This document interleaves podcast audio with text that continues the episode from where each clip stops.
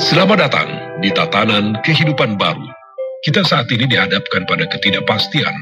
Tidak pasti kapan corona akan berakhir. Banyak ketidakpastian yang harus kita hadapi. Di satu sisi, virus corona juga telah merubah banyak hal di kehidupan kita tanpa kita sadari. Jika Anda ingin tetap bisa bertahan dan selamat dari pandemi ini, sebaiknya persiapkan diri Anda untuk beradaptasi dan menjalankan tatanan kehidupan baru.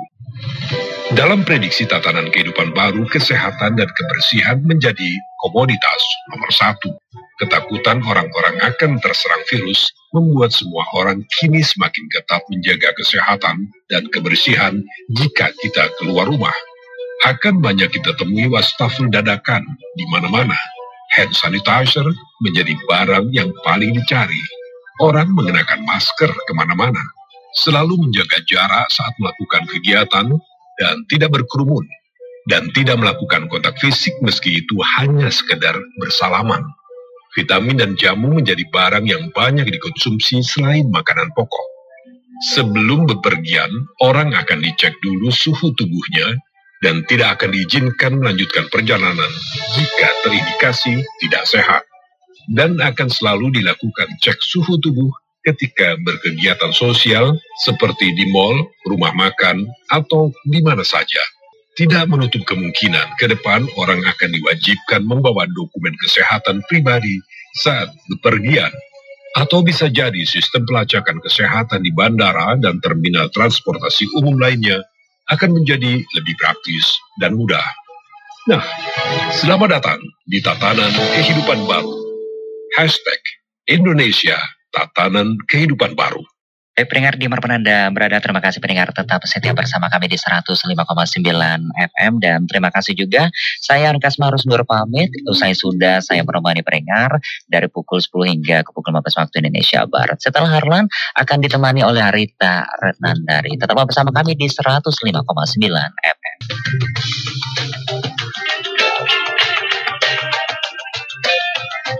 Baik pendengar, terima kasih untuk Anda yang masih mendengarkan Pro 1 RRI Ranai dan selanjutnya kami ajak Anda untuk bersama dalam dialog program Kentongan bersama presenter Jaliah Winarti. Kentongan bukan sekedar simbol, bukan sekedar bambu yang dipotong kemudian dipukul. Kearifan lokal dari para leluhur mesti kita hidupkan kembali. Waktunya Kentongan. Ya, Assalamualaikum warahmatullahi wabarakatuh. Selamat sore pendengar RRI di mana saja berada. Kembali kami dari RRI Ranai menyumpai Anda dalam program Dialog Kentongan dengan topik cara aman melaut di musim COVID-19 dan gelombang tinggi. Dan pendengar, nanti bersama kami akan ada tiga narasumber yang akan membahas mengenai topik ini dan kita akan bersama mereka dan salah satunya saat ini sudah ada di studio RRI Ranai ada Ketua Himpunan Nelayan Seluruh Indonesia HNSI Bapak Zainuddin. Assalamualaikum warahmatullahi wabarakatuh Bapak. Waalaikumsalam warahmatullahi wabarakatuh. Iya. Dan di ujung telepon nanti kita juga sudah tersambung dengan Kepala Kantor Pencarian dan Pertolongan Sarnatuna Bapak Mexianus Bekabel. Iya, masih berusaha untuk dihubungi dan juga Ketua Rapi Natuna Pak Nurul Huda. Iya. Iya. Apa kabar Pak Nurul Huda sore ini? Alhamdulillah sehat walafiat selalu Mbak Janja. Kita masih menunggu telepon sambungan telepon dengan Kepala Kantor Pencarian dan Pertolongan Kabupaten Natuna, Bapak Mexianus Bekabel. Pendengar, saat ini memang kita masih dalam suasana pandemi corona. Pemerintah sendiri juga sudah memperlakukan protokol kesehatan COVID dalam berbagai aktivitas dan tentunya juga tidak luput adalah kegiatan nelayan dalam melaut. Dan selain saat ini dari dalam suasana COVID, pandemi COVID juga perairan Natuna, ya kita sudah tersambung dengan Kepala uh, Kantor Pencarian dan Pertolongan Kabupaten Natuna, Bapak Mexianus Bekabel. Uh, selamat sore Pak. Selamat sore. Iya, selamat sore Pak. Terima kasih sudah bersedia bergabung dengan kami. Apa kabar sore ini Pak? Ya, ya, kabarnya sehat, baik, Alhamdulillah. Berkat doa daripada ibu dan masyarakat yang ada di Kabupaten Natuna. Baik, baik Pak Meksi. Kita berharap bisa bersama hingga pukul 16 waktu Indonesia Barat nanti ya Pak ya. Iya, iya. Ya, ya. Dan saat ini bersama kami juga sudah ada Kepala HNSI Natuna Bapak Zainuddin di studio, Pak Meksi dan Pak Nurul Huda. Selamat sore Pak Nurhuda, selamat sore buat tamu undangan yang ada di RRI dan juga bagi seluruh pendengar setia RRI Kabupaten Natuna bahkan di luar Kabupaten Natuna. Selamat sore, terima kasih. Kami akan ke Pak Zainuddin dulu ini uh, Ketua HNSI Natuna Pak. Sejauh ini bagaimana aktivitas nelayan kita uh, melaut mencari ikan? Ya, Assalamualaikum warahmatullahi wabarakatuh. Terima kasih Bu. Ya. Sebagaimana yang ditanyakan tadi bahwa keadaan kondisi nelayan-nelayan kita dalam dalam menghadapi atau sedang berada dalam COVID ini, yaitu terutama syukur alhamdulillah uh, karena uh, daerah kita masih termasuk jalur hijau. Nah, kendati begitu kita harus berhati-hati dan tetap mematuhi petunjuk-petunjuk protokol untuk menjaga pertama pencegahan dan untuk menghindari hal-hal tersebut kita harus menjaga kebersihan-kebersihan kita. Untuk itu nelayan-nelayan kita sebagaimana tetap melakukan pencarian nafkahnya untuk melaut kendati pun dalam keadaan seperti ini tapi mungkin itu dibatasi juga termasuk dibatasi. Hmm. Lalu karena dibatasi karena juga para pembeli pembeli ikan itu juga bisa seperti yang untuk dipasarkan ke luar daripada Kabupaten Natuna ini biasanya mereka berdatangan tapi dengan ada masalah COVID-19 ini mungkin agak dikurangi volume pengiriman ikan-ikan mereka. Tapi kendati begitu bagi nelayan-nelayan kita, nelayan-nelayan tradisional tetap melakukan melaut seperti biasa untuk pencarian nafkah rutin eh, sehari-harinya. Itu mereka-mereka yang berkebetulan kena musim barat ini Bu, iya. angin barat uh ini juga kencang karena kita tidak bisa memprediksikan keadaan cuaca atau alam. Ah, seharusnya ini tidak terlalu kuat kalau kita banding dengan musim eh, tahun-tahun yang lalu ini ini masih musim-musim selatan. Tapi sekarang barat bertiup dan banyak menimbulkan hujan ribut dan petir juga ombak besar. Jadi untuk itu juga para nelayan-nelayan kami tetap melakukan pencarian dengan membatasi, membatasi, uh, memperhatikan kondisi cuaca, terutama menghadapi musim barat ini. Jadi mereka pertama-tama itu melihat keadaan cuaca untuk melaut dan selalu kita anjurkan untuk mereka mempedomani ini dari ramal atau prokesting atau ramalan daripada BMKG Natuna. Bagaimana keadaan cuaca yang baik atau ombaknya sehingga kalau sudah ada ketenangan atau mereka akan melaut kembali. Baik, uh, saya beralih ke Kepala Kantor Pencarian dan Pertolongan Natuna Bapak Meksianus Bekabel. Pak Meksi, belum lama ini kemarin Kantor Pencarian dan Pertolongan Natuna baru saja mengevakuasi nelayan Indonesia ya Pak yang mengalami karam dan diselamatkan oleh kapal Cina. Nah, bagaimana kondisi laut saat kegiatan evakuasi itu sendiri, Pak? Baik, terima kasih. Selamat sore.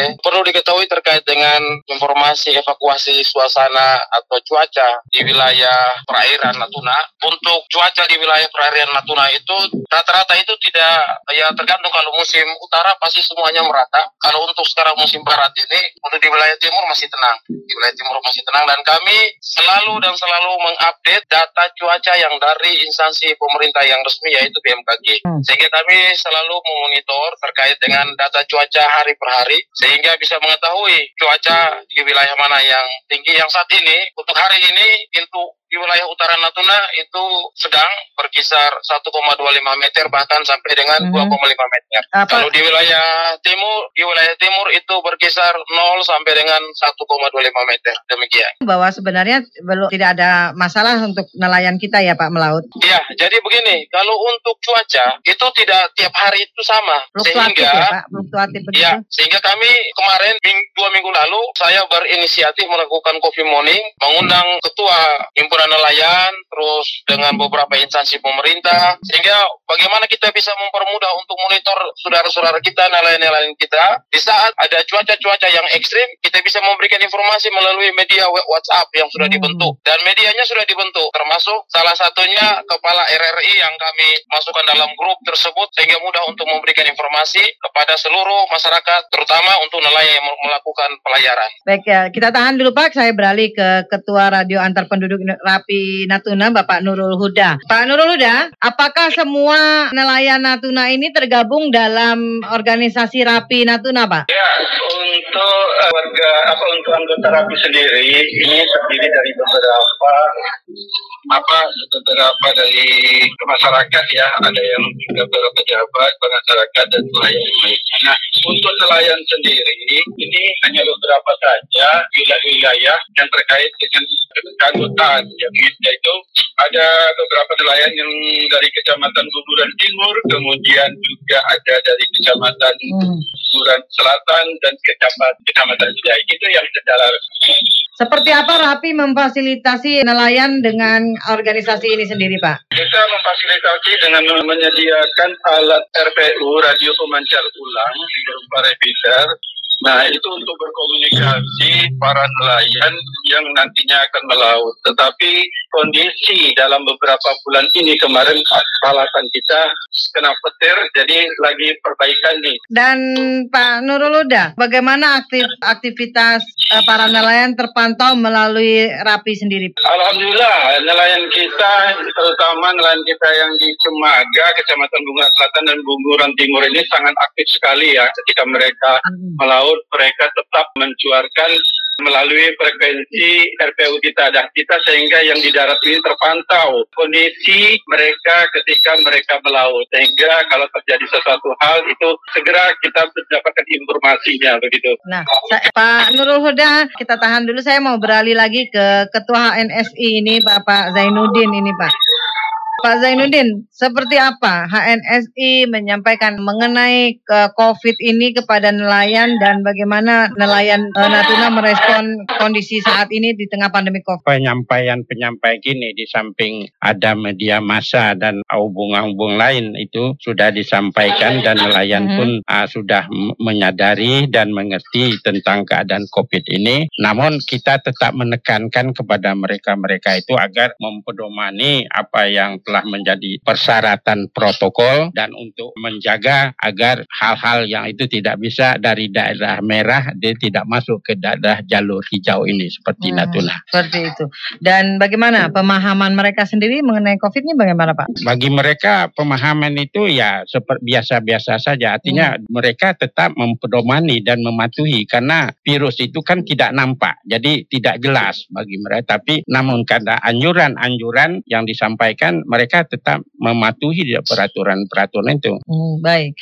Pak Meksi, Ya Bu, masih bersama kami ya Pak ya. Bagaimana tim dari Sarnas Natuna sendiri dalam aktivitas terhadap kegiatan nelayan ini dan juga mengenai evakuasi nelayan di tengah suasana COVID ini Pak, terutama untuk keselamatan nelayan di saat ini Pak. Baik, terima kasih. Terima kasih moderator yang baik hati, yang familiar untuk Kabupaten Natuna. Terkait dengan hal tersebut, kami selalu memberikan informasi melalui grup-grup, selalu memantau dan saya sudah uh, koordinasi baik dengan Kepala BMKG untuk terkait memberikan data. Data untuk tiap hari itu bisa dikirimkan ke grup untuk bisa membantu Hmm. saudara-saudara kita atau para nelayan, baik itu di kelompok kecamatan maupun kelompok desa yang dibentuk oleh Ketua Himpunan Nelayan, sehingga bisa memberikan informasi terkait dengan data cuaca yang real di lapangan. Kadangkala para nelayan itu mereka hanya berpikir bagaimana kita bisa mendapatkan ikan, tidak berpikir bahwa keselamatan dia di laut seperti apa. Betul sekali. Dan perlu diketahui kita harus rajin lagi membangun komunikasi koordinasi apalagi terkait dengan uh, ketua himpunan nelayan sehingga mereka punya pergerakan itu itu seperti apa sehingga bisa ada laporan. Makanya saya Hmm. buat grup sehingga waktu mereka mau berlayar itu kan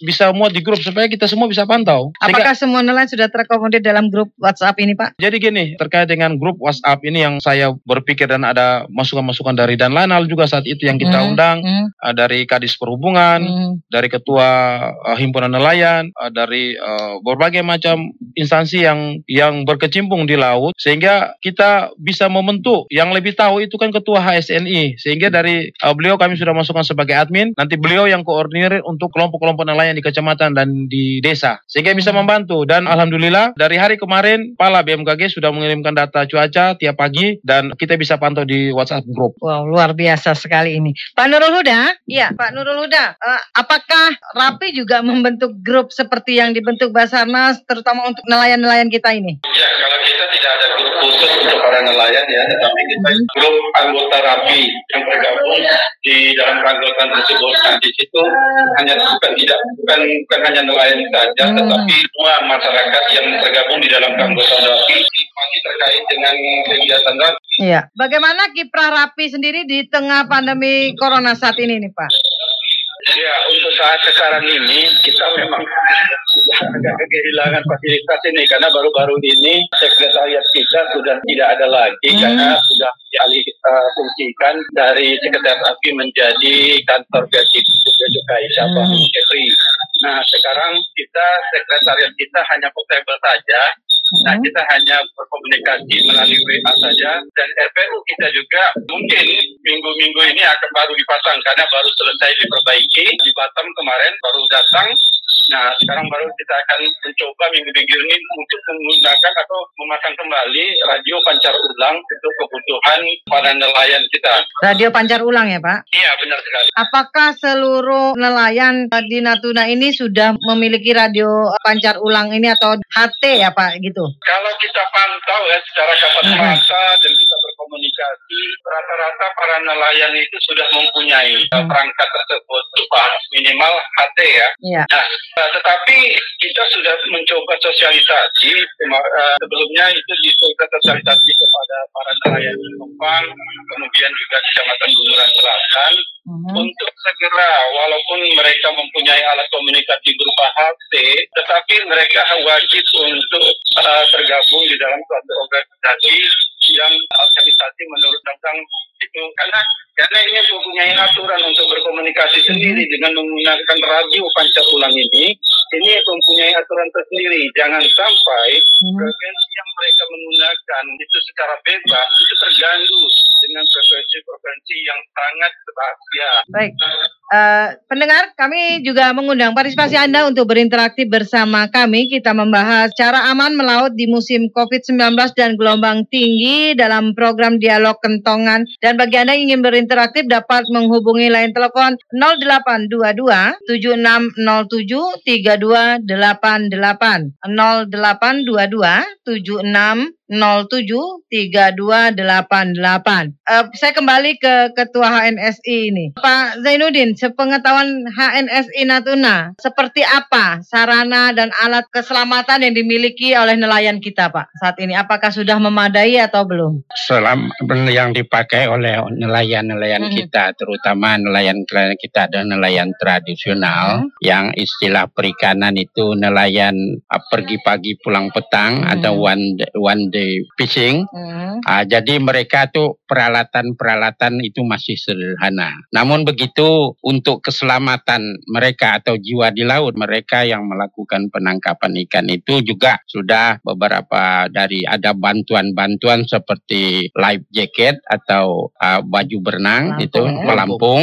ah, itu ah, itu sudah dibagikan juga dan memang disarankan kepada nelayan-nelayan itu harus wajib dipakai untuk melaut apalagi ah, dengan cuaca-cuaca yang tidak menentu ah, Hmm. seperti itu. Dan kemudian juga bagi mereka-mereka juga itu ada mempunyai radio ra- radio untuk menghubungkan atau dengan pihak-pihak tertentu tapi sampai sejauh mana itu kita belum memantau ke apa kekuatan frekuensi radio radio mereka. Tapi namun begitu sesuai apa yang disampaikan dari pihak Rapi tadi dari Bapak Nurul Huda Ya. itu sudah ada nelayan-nelayan yang memiliki atau memakai radio-radio rapi sehingga untuk mereka melaut Hmm. untuk melakukan komunikasi di darat itu lancar.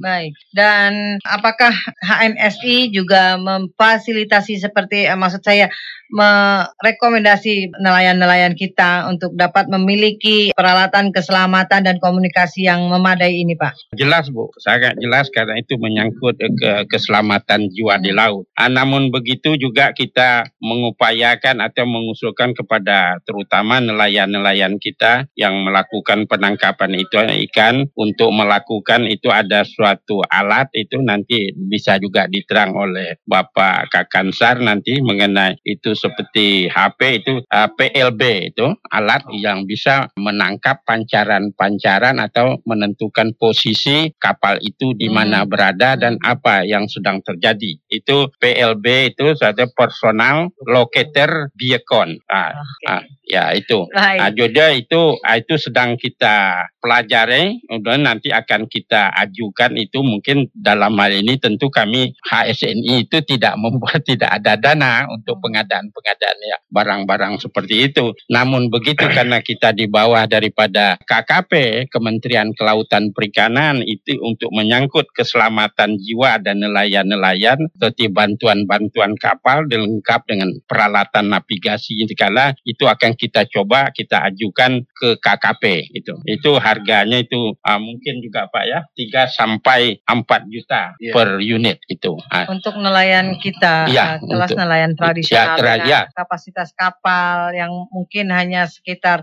3 atau 5 GT begitu Pak yang pergi pagi pulang ya, petang, sore atau ini, apakah sarana sarana komunikasi seperti itu yakin mereka didap mampu atau dapat untuk membelinya Pak untuk Baik. melengkapinya begitu? Iya, namun begitu itu akan kita coba kita itu mungkin mudah-mudahan alat itu atau seperti bantuan-bantuan alat-alat lain seperti misal pespander dan segala hmm. itu ada bantuan gratis itu yang kita harapkan dari kementerian itu untuk nelayan. Tapi mungkin nanti untuk lebih jelas mengenai pemakaian PLB ini Bapak dari Kakansar lebih mendetail akan menjelaskan. Baik, kalau gitu saya langsung beralih ke Kakansar aja. Apakah itu memang uh, seperti tadi dibilang apa radio beacon itu memang wajib dimiliki oleh nelayan yang memiliki kapal motor ikan itu, Pak? Baik, terima kasih Bapak Ketua HSNI yang terhormat. Sebelum saya masuk ke situ, saya ke Bapak Nur Huda. Iya. Uh, tadi beliau menyampaikan terkait dengan untuk uh, nelayan-nelayan di wilayah kita sudah mempunyai radio. Nah, terkait dengan hal tersebut,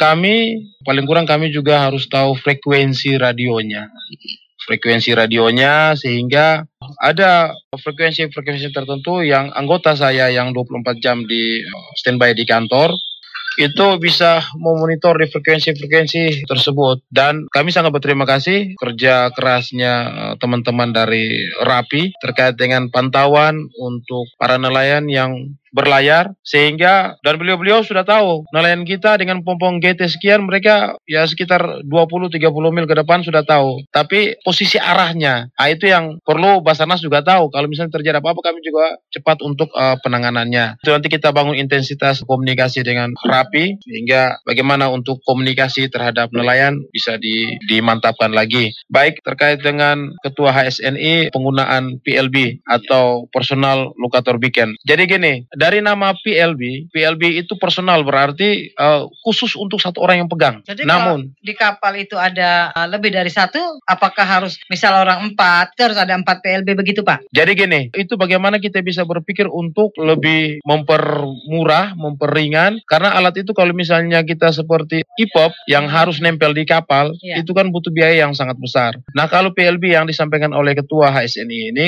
harganya sekitar 3 sampai 4 juta. Nah itu bisa di tergantung di kapal, tapi kita harus me uh, memberikan informasi terkait dengan penggunaannya. Jadi alat itu setelah sudah ada, kita akan yang mendaftarkan Basarnas, uh, membantu untuk mendaftarkan daftarnya di Basarnas. Itu nanti data mungkin bisa bisa masukkan nama data kapal, uh, data kapalnya, alamat kapalnya. Nah, di saat dia berlayar itu tetap lengketnya di kapal atau orang yang di atas kapal itu tetap pegang atau uh, di kaptennya. Sehingga terjadi kecelakaan, dia tinggal men menekan tombol emergency itu signifikan signalnya secara otomatis terpancar ke satelit penerima yang ada di Basarnas di beberapa titik baik itu yang ada di Surabaya, yang ada di Tanjung Ujung Pandang dan di Biak dan di Ambon. Nah, itu yang memancarkan ke satelit dan terimanya di kantor pusat di Jakarta. Itu langsung tahu posisi titik koordinatnya. Nah, dengan demikian kita bisa tahu posisi dan mempermudah untuk pencariannya. Kita bisa tahu, oh ini namanya siapa nih yang pemiliknya nih. Bisa juga kalau kita karena alat IPEP yang wajib untuk di kapal-kapal itu itu karena sangat mahal. Bisa juga yang disampaikan oleh ketua HSNI itu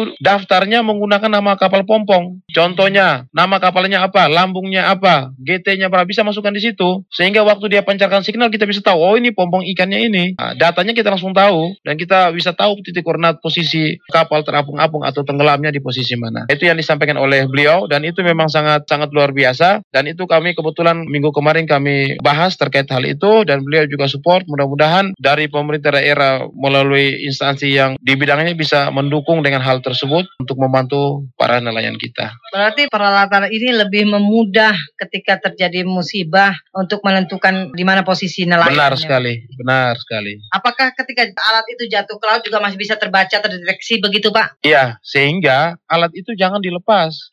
Kalau misalkan kita satukan atau kita amankan, lengketkan di kapal, Ya. berarti kapal posisi bergerak ke mana, dia menunjukkan posisi koordinatnya. Hmm. Kalau manusia bergerak ke mana, manusia yang pegang itu bisa tahu posisi koordinatnya di mana. Bentuknya seperti apa nih Pak? Dia sebesar genggaman HP, genggaman HP yang lipat. Saya tahu saya bisa bawa ke sini. Hai. Kalau untuk ketua HSNI sudah melihat dan sudah memegang, sudah meraba dan sudah mau melepaskan antenanya untuk bisa mengetahui. Baik, Eh, Pak Nurul Ya Pak Nurul Huda, kan ini belum semua nelayan memiliki fasilitas seperti yang disebutkan oleh Pak Ketua HNSI dan Kansar ini tadi, Pak Nurul Huda. Apakah untuk radio panggil ini atau minimal HT itu sudah sudah dimiliki oleh semua nelayan kita di Natuna, Pak? Untuk eh, HT sendiri itu tidak semuanya para nelayan. Sekarang kan malah malah para nelayan sudah sudah menggunakan dengan peralatan canggih. Kalau dahulu ya salah satu kebiasaan nelayan Natuna sebelum pergi melaut itu dia melihat ke arah Gunung Ranai. Kalau hari itu cerah banyak awan di sekitar gunung maka itu petanda mereka bisa ke laut. Jika Iya. Tidak ada awan artinya angin kencang mereka memutuskan tidak melaut. Kebiasaan itulah masih dilakukan hingga saat sekarang ini. Tetapi dengan perkembangan zaman sekarang mereka sudah menggunakan HP, menggunakan HP, kemudian informasi melalui WA group yang disampaikan oleh BMKG, melalui kondisi cuaca Hmm, per hari gitu kan. Nah, nelayan juga bisa menentukan keamanan nelayan dengan mengecek kondisi cuaca melalui aplikasi-aplikasi ya, ketimbang hanya sekedar mengamati kondisi cuaca dari alam. Nah, cuaca bisa kita pedomani, tetapi kan itu bisa bisa berubah terkadang. Nah, untuk pengamanan eh, dan keselamatan dari para nelayan, para nelayan sendiri, mungkin saran kita juga para nelayan juga jeli dan untuk mengikuti perkembangan teknologi sekarang, karena sekarang ini aplikasi-aplikasi untuk menentukan semua kondisi, baik itu cuaca, kemudian gelombang tinggi, kemudian keadaan ikan itu ada atau enggaknya, itu sudah kita bisa cek melalui aplikasi-aplikasi yang ada dari segi keselamatan, nelayan itu bisa mencegah kecelakaan dengan mendapatkan informasi. Nah, terkait dengan HT tersebut, HT hanya alat untuk komunikasi. Nah, itu sangat berguna sekali jika eh, kondisi mereka ketika melaut mencari ikan itu melebihi daripada kondisi sinyal. Terkadang itu jarak dari 10 mil ke atas itu sangat kesulitan sekali mendapatkan sinyal seluler. Sehingga di situlah kekurangan daripada aplikasi-aplikasi yang ada melalui HP. Nah, di sinilah yang ada peranan penting dari HT tersebut. HT dengan kondisi cuaca apa pun, selagi RPU radio pancar ulangnya itu tegak, tidak tersambar petir, maka di situ itu sangat-sangat terbantu sekali kepada para nelayan. Terjadi sesuatu hal, mereka mengatakan kondisi kami sekarang ini gelombang sangat tinggi dan kami terombang ambing, tolong dipantau terus. Sehingga kami di darat juga mendapatkan informasi tersebut, siaga untuk menyampaikan informasi jika terjadi sesuatu hal. Nah, di situlah sangat berpengaruh sekali, walaupun sudah mempunyai aplikasi HP, HT tidak dapat dikesampingkan karena HP sangat berfungsi sekali ketika kondisi jauh daripada sinyal. Baik. Nah, kami berharap, jadi kami berharap para para nelayan yang mempunyai HT, terutama juga dengan uh, rig-nya untuk melakukan segera kepada Rapi untuk supaya dikondisikan penggunaannya secara legal gitu Pak Celia. Baik, dan pendengar, bagi Anda yang ingin berinteraksi bersama kami dapat menghubungi line telepon 0822 7607 3288. Pak Nurul Huda, apakah ada frekuensi khusus bagi radio panggil untuk nelayan ini, Pak? Nah, kalau kita untuk keanggotaan rapi sendiri itu ada khusus tersendiri di Hmm. radio pancar ulangnya. Nah, untuk para nelayan itu biasanya secara umum mereka menggunakan frekuensi khusus secara umum, tapi itu terbatas. Hmm. Jika sesuatu terjadi, sesuatu hal terjadi di laut, mereka akan berkomunikasi dengan para nelayan yang menjadi anggota RAPI, kemudian nanti juga berkomunikasi melalui RPU tersebut. Pak Nurul Hudan, terima kasih atas eh, waktunya bergabung bersama kami di Dialog Kentongan ini, Pak. Dan mungkin bisa tetap memonitor kami ke Pak Ketua HNSI. Pak Zainuddin, seberapa membantunya radio panggil HT ini bagi nelayan sendiri, Pak? Itu ya sangat berfungsi, apalagi setelah dihubungan dengan RPU dari apa apa dari pemancar ulang radio pemancar ulang ini dengan daripada rapi. Lebih berfungsi sekali kalau mereka mempergunakan HT daripada mempergunakan handphone biasa. Karena pancaran ini masih di, bisa direlay daripada RPU rapi. Sejauh ini HNSI juga memantau nelayan dengan menggunakan HT ini, Pak? Juga kami sa- sampai sini kami belum punya Oh, HT oke, Pak. baik, baik. Dan Pak Meksi, Pak Kakansar, Iya. bagaimana koordinasi pihak SAR sendiri dengan unsur terkait dalam upaya menyelamatkan nelayan atau penyelamatan nelayan, perlindungan terhadap nelayan saat mereka melaut ini tengah kondisi cuaca yang kurang bersahabat seperti saat ini, Pak? Baik, jadi untuk Basarnas Hmm. yang paling pertama itu kita bagaimana kita bisa membangun komunikasi dan koordinasi baik itu kepada instansi samping maupun instansi vertikal baik itu kepada masyarakat maupun terutama pemerintah daerah sehingga melalui pemerintah daerah bisa memfasilitasi terkait dengan uh, dinas-dinas dalam hal ini untuk bagaimana bisa memantau atau Hmm. menyelamatkan nelayan itu Nah, terkait dengan hal tersebut, kami sudah dari Basarnas begitu banyak kami koordinasi komunikasi pada instansi terkait, baik dari TNI Polri, pemerintah, dan masyarakat. Dalam hal ini ada himpunan masyarakat, kemarin juga ada kami undang rapi juga ada untuk mengikuti kegiatan. Dan kebetulan eh, bagaimana bisa melihat apa yang kami bicarakan saya mengundang ketua DPRD dan ketua Komisi 1 sehingga beliau itu bisa memantau eh, apa yang kami bisa berikan untuk masyarakat Natuna melalui eh, hal-hal tersebut. Dengan demikian kami bisa memantau melalui grup. Dan grup saat ini namanya info perairan Natuna. Dan mungkin saat ini juga nanti Bu Jalia bisa masukkan eh, Nur Nurul Huda. Nur Huda dalam grup tersebut sehingga beliau juga bisa memantau para nelayan-nelayan yang melakukan kegiatan aktivitas di eh, laut. Tadi juga sudah ada yang kirim eh, ada satu kapal yang berlayar, dia mengirimkan evidennya sehingga kita juga bisa memantau. Tapi di sini dia tidak menulis arahnya ke mana, hanya video kan Hmm. untuk berlayar mencari ikan. Gelombangnya sekitar eh, setengah sampai satu meter ini yang saya lihat. Nah terkait dengan hal-hal yang kecil begini kita bisa untuk bisa memantau. Terkait dengan hal tersebut mungkin dari HSNI ada punya program-program pengenalan atau dari dinas terkait dalam hal ini ada dinas perhubungan, ada apa dinas yang membawahi untuk eh, dari perikanan. Nah, itu ada kegiatan bisa mengundang Basarnas untuk memberi pelatihan bagaimana bisa menyelamatkan diri, bagaimana bisa menyelamatkan orang lain. Sehingga hal tersebut eh, kalau kita sudah tahu ilmu pengetahuan walaupun kita katakan nenek moyang kita pelaut, tapi kadangkala kalau kita sudah panik itu tidak ada nenek moyang pelaut.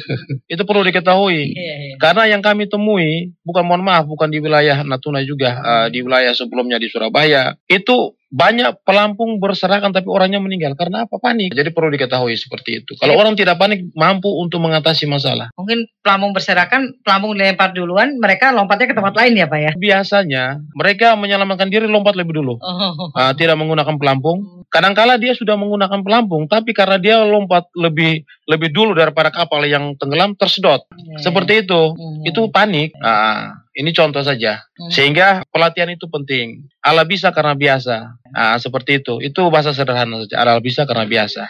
Nah, Baik. kalau data yang dimiliki oleh Sar Natuna sudah berapa nelayan kita yang memiliki radio personal beacon ini, Pak? Baik, kalau terkait dengan oh, apa personal lokator Ah, weekend belum ada. belum Kalau ada. yang ada cuma baru ada dua di kantor Sarnatuna. Ah, ah. Jadi itu yang kemarin kita sempat bahas juga bersama Ketua HSNI, ada teman-teman dari B- BMKG, dari RAPI, dari Dinas Perhubungan. Saya juga menunjukkan hal tersebut itu untuk mempermudah kalau misalnya bisa dari pemerintah daerah bisa membantu atau dari dinas terkait. Nah kami langsung menyampaikan bahwa langsung menghubungi yang pemiliknya sehingga kami hanya menyampaikan uh, informasi oh untuk pengadaannya silakan langsung ke perusahaannya. Nanti mendaftarnya yang di Basarnas untuk data PLB tersebut. Saya ke Pak Zainuddin, Pak Ketua. Kalau jarak tangkap nelayan kita ini dari pantai itu berapa jauh sih sebenarnya, Pak? Kalau untuk nelayan-nelayan kecil atau nelayan tradisional yang mempergunakan kapal penangkap ikan dari satu setengah GT sampai 3 GT Hmm. itu mereka melakukan penangkapan tuh paling jauh 12 mil. Akan tetapi ada lagi nelayan-nelayan kita yang punya kapal ukuran kurang dari ah, 7 GT, kurang dari 10 GT atau 78 GT, itu mereka melaut sudah jauh hampir sampai 100 mil atau lewat. Itu karena mereka sudah bermalam tiga sampai satu minggu mereka di laut itu juga itu untuk tangkapan-tangkapan ikan yang lebih baik, ikan-ikan yang ekonomis penting. Tapi kalau untuk yang 12 mil ke bawah ini ikan-ikan biasa seperti tongkol dan ikan-ikan karang lainnya untuk konsumen uh, di pasar ikan. Lalu Pak, dengan kondisi cuaca yang seperti saat ini, boleh dikatakan tidak menentu, cuaca buruk begini Pak, apakah nelayan kita tetap nekat sampai eh, di atas 12 mil ini tadi Pak? Ah, tidak juga Bu, itu mereka melalui itu tadi apa kajian-kajian cuaca atau informasi-informasi lain, mereka akan tetap berpegang pada itu Bu. Jadi Hmm. istilahnya mereka tidak mau bunuh diri itu Bu. Jadi kalau mungkin umpama mereka sedang melaut tiba-tiba turun angin kencang Iya. atau ombak besar itu ya wa- walaupun bagi apa boleh buat tapi namun mereka banyak menghindar untuk mencari keselamatan. Mereka tidak akan nekat. Tapi ini tetap mereka memiliki alat kes- keselamatan dan komunikasi ya Pak ya, Ya. membawa alat-alat seperti itu ya Pak ya. Betul, ya seperti Baik. itu. Pak. Nah, saya masih ada satu pertanyaan yang bikin saya penasaran. Pak Nurul Huda. Pak Nurul Huda, kalau radio pancar ulang dan juga handy talkie atau HT ini kekuatan sinyalnya sampai seberapa jauh sih, Pak? Ya kalau dia menggunakan manual Hmm. point to point itu jaraknya paling 2 kiloan. Tetapi Mhm. kalau menggunakan RPU radio pancar ulang itu bisa mencapai sekitar 20 mil bisa. Iya. Ah, sehingga ke nelayan-nelayan kita yang biasa di atas 10 mil itu masih terpantau dengan kita. Nah, nah di sini Pak Jailia pun saya sampaikan bahwa kata kuncinya adalah informasi dan komunikasi. Dari segi keselamatan, nelayan itu bisa mencegah kecelakaan karena dapat informasi tentang cuaca Iya. dan semua nelayan khususnya ya nah Hmm. untuk Natuna agar dapatlah memanfaatkan jaringan komunikasi agar bisa mengecek itu faktor-faktor dari cuaca baik tinggi gelombang, angin hingga musim ikan sebelum pergi melaut untuk mencegah terjadinya kecelakaan. Jadi Nah. intinya nelayan harus update juga ya, Pak ya. Iya benar juga, benar. Intinya itulah informasi tadi kan. Nah komunikasi juga penting. Komunikasi ketika mereka pergi melaut sampai batas sinyal yang tidak tentu ya, Ya. mereka tidak harus berkomunikasi kepada keluarga terdekat bahwa mereka posisinya saat sekarang ini berada di posisi koordinat berapa. Kalau memang ada sinyal, mereka mereka melalui WA group sehingga nanti terpantau dari rekan-rekan kita dari Basarnas. Oh iya, Pak Bang Meki ya. Iya, Eh, benar sekali. Posisi mereka terakhir itu di mana sehingga nanti dari kita sendiri untuk mengevakuasi mereka sudah kita ketahui posisi mereka terakhir. Nah itulah gunanya informasi dan komunikasi tadi. Terima, Baik. terima kasih. Baik. Ya, Pak Meksi, kalau dengan kondisi cuaca seperti saat ini, sebenarnya apa sih yang harus diperhatikan oleh nelayan-nelayan kita, fasilitas dan kelengkapan semuanya? Iya benar. Tadi sudah disampaikan oleh Pak Nur Huda, Pak Ketua HSNI uh, untuk nelayan. Yang paling pertama itu alat keselamatan. Itu terbukti yang kemarin kejadian yang enam orang selamat itu karena mereka mengapung menggunakan alat keselamatan seadanya baru bisa bertahan. Kalau misalnya tidak ada kita kemampuan manusia terbatas sehingga alat keselamatan itu penting. Itu yang paling pertama. Yang kedua pengetahuan yang tadi sudah disampaikan oleh Pak Nur Huda, Pak uh, Ketua SNI terkait dengan pengetahuan terkait dengan data, informasi ter terkait dengan angin, gelombang itu penting sekali. Terus yang berikut ada program-program daripada instansi terkait atau pemerintah bagaimana memberikan pengetahuan pelatihan kepada nelayan. Ada segala sesuatu mereka sudah mawas diri, sudah uh, terbiasa, sudah terlatih. Itu seperti itu kalau menurut kami. Bagaimana persiapan dari SAR Natuna sendiri untuk kegiatan di saat cuaca buruk seperti ini, Pak? Baik, uh, dalam kondisi situasi seperti ini kami tetap siaga 24 jam dan siaga itu bergantian orang bukan satu orang terus sampai 24 jam Iya. enggak. Jadi shift per shift dan untuk komunikasi uh, itu 24 jam. Jadi ada informasi apa pun, telepon juga kami tetap standby untuk melayani karena tugas kami melayani masyarakat dan kami tidak sendiri. Basarnas itu bekerja sama pada empat pilar yaitu pemerintah, daerah, TNI Polri, Basarnas sendiri dan masyarakat. Kita masih punya beberapa menit terakhir, Pak, menutup dialog kita pada petang hari ini, Pak. Saya beri kesempatan dulu kepada Ketua HNSI Kabupaten Natuna untuk closing statement ya, Pak. Ya, untuk itu sebelum mereka melaut karena menghadapi cuaca-cuaca yang tidak menentu ini itu kita perlukan ya terutama sebagaimana disampaikan oleh Pak Kakanzar tadi itu informasi-informasi itu penting. Jadi informasi-informasi seperti ah, peralatan-peralatan keselamatan di laut seperti pelampung dan sebagainya itu harus mereka punya. Kemudian sebelum mereka melaut itu mereka harus cek dulu kemampuan kapal dan mesin kapalnya itu. Andai kata terombang-ambing di laut itu agar selalu uh, menghubungi atau dari terutama dari BMKG melihat memantau cuaca dan yang terkait seperti Basarnas dan Dishub dan lain-lainnya itu sudah ada nomor-nomornya. Baik, Pak Kakansar yang hendak disampaikan untuk Yang penting adalah keselamatan. Terus yang kedua, koordinasi antar uh, stakeholder terkait dengan bidang tersebut. Itu penting. Sehingga bagaimana kita bisa membangun komunikasi koordinasi. Karena begini, untuk di wilayah Natuna, itu pelabuhan-pelabuhan kecil itu banyak. Jadi Betul tidak bisa terpantau. Contohnya kejadian seperti kemarin. Itu kami tidak tahu dia belajarnya dari mana awalnya. Nah, itu kan tidak tahu siapa yang... Terus untung kebetulan ada kapal asing yang menemukan. Kalau tidak, siapa yang tahu? Sehingga dari instansi yang ada itu, yang punya tanggung jawab, uh, kami mohon bantuan untuk dukungan. Kita sama-sama, kita sama-sama uh, mungkin bisa monitor kolaborasi seperti apa sehingga kita bisa memantau saudara-saudara kita, rekan-rekan kita yang para nelayan ini untuk membagi informasi sehingga bisa mempermudah apabila terjadi kecelakaan bisa penanganannya lebih cepat. Mungkin sementara itu saja, Bu. Baik. Dan Pak Nurul Huda, kita sudah sampai di ujung dialog kita, Pak. Ada yang hendak disampaikan untuk uh, saudara-saudara kita para nelayan? kita berharap ya para nelayan juga sekarang ini para nelayan juga tetap menjaga kesehatannya kemudian juga perhatikan betul keselamatan kemudian juga saya sampaikan di sini bahwa dalam rangka menuju tertib berkomunikasi tertib provinsi dan tertib hukum hendaknya semua yang menggunakan radio komunikasi bisa bergabung di dalam uh, wadah jadi anggota rapi karena di sini sudah sudah diatur dari tetap tetap berkomunikasi dengan pihak keluarga dengan mengabarkan posisi terakhir mereka. Terima kasih. Dan pendengar demikian dialog program kentongan dari RRI Ranai dengan topik cara aman melaut di musim COVID-19 dan gelombang tinggi pada petang hari ini Selasa 30 Juni 2020. Mewakili seluruh kerabat kerja saya, Jalia Winarti, dengan penanggung jawab dialog Kepala Stasiun LPP RRI Ranai, mengucapkan terima kasih atas perhatian dan kebersamaan Anda. Assalamualaikum warahmatullahi wabarakatuh.